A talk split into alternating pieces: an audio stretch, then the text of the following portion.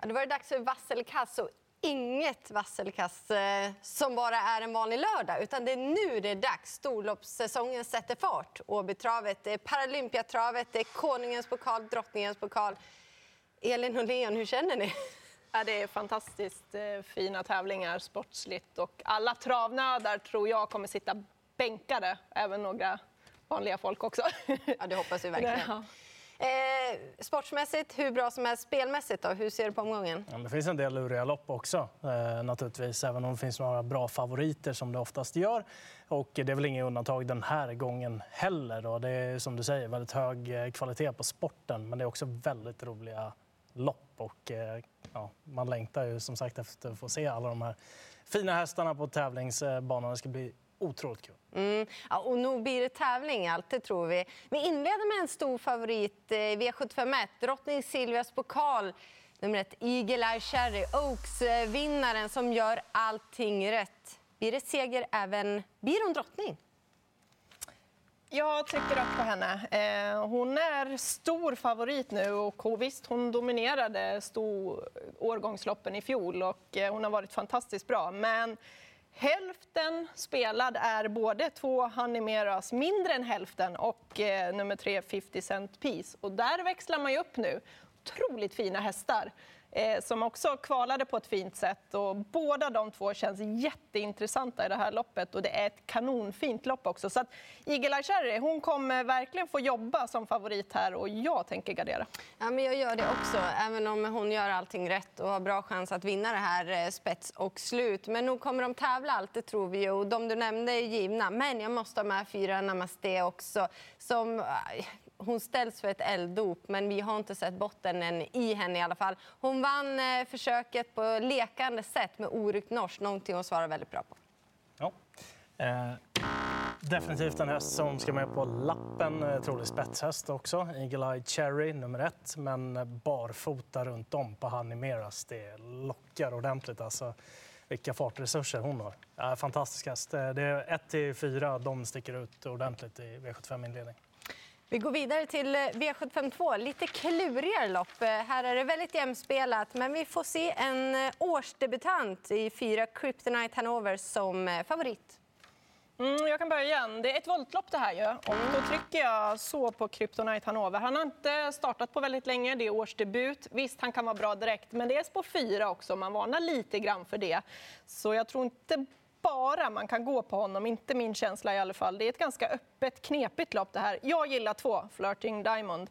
Eh, perfekt inmatchad i det här loppet. Han ska gå utan skor runt om, första rycktussar. Eh, alltid intressant. Det var ju en häst som var väldigt nära att kvala in eh, till det norska kriteriet. Då gjorde han bort sig med en jättegalopp men var inte långt ifrån. Så han fick aldrig de där pengarna på sig. Och så perfekt inmatchad här. Ja, jag tycker han känns jätteintressant. Här. Han har varit nära och slagit Önas prins också. Det har han också. Mm. Eh, jag gör sådär. Eh, Kryptonite Hanover har nu visat att han klarar snäva spår i voltstart. Men jag litar ju inte på honom. Det är ett dåligt utgångsläge och en årsdebutant. Även om Reijo Liljendahl har fin form.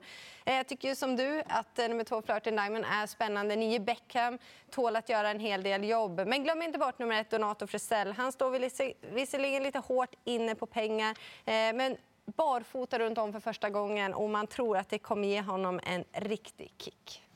Ja, eh, garderingslopp där. Eh, det är väl ingen tvekan om det eftersom favoriten har spår 4 också i volten. Den kan absolut vinna, men eh, jag kommer ta många springspår. Björn Goop, nummer 6, One Deep Valley, kommer förmodligen sitta bra till eh, också. Och sen har ni nämnt det andra eh, urryckarna där på Flirting Diamond, nummer 2. Känns ju jättespännande med en voltstartspecialist också i form av Thomas Urberg. Han är säker. Han är väldigt säker. Sen kommer vi bläddra vidare och nu kommer vi till eh, kungapokalen. Omgångens största favorit i fyra Önas prins. Jag gör sådär då. Han eh, är väldigt mycket spelad. Man kan väl säga att nästan på gränsen till för mycket. Men eftersom vi tror, jag tror, Per Nordström tror, alla tror ju, det är därför han är så mycket spelad, att han kommer till ledningen. Och därifrån ska han slås. Och vem ska göra det? Det finns väldigt många bra hästar i loppet. Jag måste trycka rött. Jag vet att han har väldigt god chans, men han är vad var han? 70, över 70 procent och jag måste prova att gardera. Jag tycker att det finns många bra hästar i loppet ändå. Sex Romeo Pace Off, Robert Bergs hästar plockar man av skorna runt om. Han har ju fått göra mycket jobb i loppen här i Sverige. Han har haft bakspår och fått verkligen eh, ja, jobba för havren. Men eh, nu har han ett framspår. Jag tycker han känns jätteintressant. Han kommer inte ge bort någonting här. Önas Princess tror inte jag kommer få vara fullständigt i fredag framme. Så jätteintressant. Och sen letar man en skräll, om man ändå nu ska gardera det här loppet, åtta Bikon Kronos. Alltså den kapaciteten han har inom sig, det hör man från hela stallet, Redén alltså.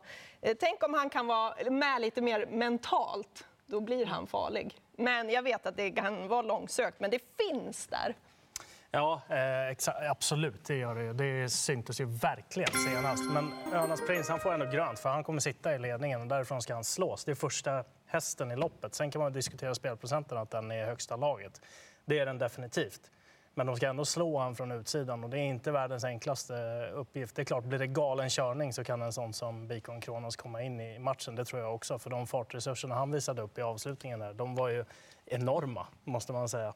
Eh, sen hade Brambling startat, då hade ju Wild West Diamant varit intressant. Nu mm. riskerar han att hamna väldigt långt bak och det kan bli stora trafikbekymmer. Så jag tror att en del av loppet kan ha avgjorts på strykningen där.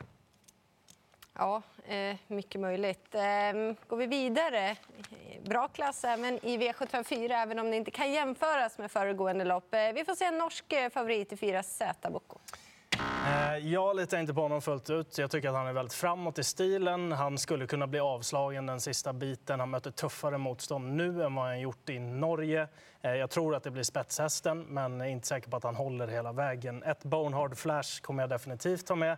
Och jag kommer såklart också ha med nummer 10, Billy Time, som var tillbaka. Och det är ju en fruktansvärt bra häst för, för klassen, eh, bara han fungerar. Han, eh, var ju verkligen där så att säga i den senaste starten på dansk mark och det låter som att det blir barfota igen nu. Eh, gör så på Seboko. Eh, jag tycker att det är helt rätt favorit om han inte stiger allt för mycket i procenten. Han är en riktig rusare, men han är grymt startsnabb och jag tror att han sitter i ledningen. Han har vunnit på bra tider, ganska överlägset i de loppen också. Och nu är det kort distans och nu kan han, nu kan han kosta på att rusa. Liksom. Eh, sen garderar man, då är det helt klart ett Bonehard Flash som är intressant där bakom, som kan få loppet i draget. Även eh, Milos Gand, eh, nummer två, Milos Ganador. Jag tror att den ska prova att värma i eh, amerikansk vagn också. Det kan bli en, eh, en liten kick. Hästen är i grymt fin form. Mm, och är startsnabb och kanske blir ännu mer startsnabb då i en sån. Ja, precis. Och kommer ju kunna få ett bra lopp därifrån. Mm. Eh, jag gör sådär. Jag tycker att han är för eh, stor eh, favorit, Zäta Även om du har rätt där, en rusad typ över kortdistans, ja, men det passar väl ypperligt. Eh, men jag tycker att det skiljer för mycket, framförallt då mellan fem Alpago VF som såg väldigt fin ut senast, ställs ju på större prov den här gången, men given för mig att ta med.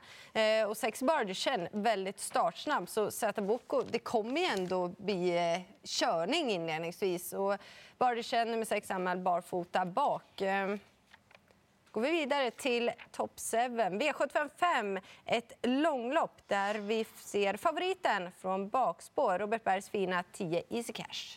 Eh, ja, eh, för min del så tycker jag att Rackham ska vara favorit i det här loppet nummer två. Han är ute på rätt distans, han eh, verkar vara kraftigt på väg uppåt i, i form också. Och dessutom så har han värsta motståndarna på bakspår den här gången. Så att Rackham nummer två tycker jag ska vara första strecket i loppet. Och sen är det jättespännande om det blir barfota runt om på nummer 12 Oracle Tile. Det är en grym häst. Han är dessutom efter Ready Cash så det kan bli dubbel effekt där på den barfotan. Jag håller med. Eh, sport 12 är dåligt, men spännande då på Oracle Tile. Eh, jag är helt inne på din linje, därför så tar jag vid här. 10 is Cash en häst man har fastnat för, men den jag fastnar mest för utan tvekan, nummer 2 Rackham. Första sträcket, kanske enda sträcket. Eh, han har startat fyra gånger på långdistans, vunnit två. Han har varit tvåa bakom Power, han har mött riktigt bra hästar. Jag tycker sex Ankel Tull är spännande, men han har aldrig vunnit på långdistans. Det är ändå värt att notera. Eh, Easy Cash på rött för mig också. Bakspår kan ställa till eh, två Rackham. Jag är helt inne på er linje. Eh, han har läget, han har förutsättningarna, han har två lopp i kroppen och han kommer vara ytterligare förbättrad den här gången tror jag. Och det är hans distans. Han klarar den här väldigt bra. Så att han kommer nog vara riktigt bra den här gången. Ja, vi är överens på Top 7 då, Rollerpot där. Eh, är det någon vi inte har nämnt som ni vill ha med då på Top 7? Ja, det är Oracle Tile nummer 12 där. Om det blir barfota. Ja, den är jag också inne på och eh, sex ankeltöllar är ju tidig bakom. Precis. Eh, V75 6, eh, ett fint storlopp. Storeliten, favorit 3, Milady Grace. Eh, det blir på att hon inte blir, är så startsnabb med Lady Grace. Jag tror att Allegria Gifont kan ta sig förbi och då kan det bli en tuff nöt att knäcka. Häst nummer fyra alltså, som var väldigt bra i första starten i Sverige. Bakom Short in Cash. Ja. Ja, jag trycker också rött på Milady Grace. Hon har blivit lite för stor favorit för min del. Jag tror mycket på henne och tycker fortfarande hon har chans. Men jag är också inne på nummer fyra, Allegra Gifont. Eh, med lopp i kroppen. Nu byter hon bara ston dessutom. Hon var riktigt fin senast. Full fart över mål och, och var tvåa på 11,7 bakom Short In Cash. Mycket bra. Sen kommer jag inte missa att ta med nummer två, Alhambra Mail. Amerikansk vagn. Eh, är hon i form igen, då är hon lite farlig. Hon kan också öppna rätt så bra. Hon har spår två bakom bilen. Mm, med svårbedömd form. Lite svårbedömd, ja. Mm. Jag måste göra så här. Jag tror att eh, Tre Lady Grace kommer få ett toppår. Men det går ju inte att gå på den här som galopperade på upploppet senast och så som stor favorit. Eh, visserligen kanske fanns lite ursäkter, eller kom rätt så omotiverat. Men äh, jag blir orolig. Som ni var inne på, nummer fyra, Legra Gifont, första hästen för mig. Och blir det tempo på loppet, då vill jag även nämna 10 Melba Harissa. Paralympiatravets final. Är ni redo? V75 7. Och här kommer vi få se en favorit i fyra, Delia du Pomeré. Och då kanske vår Frankrike-expert ska börja.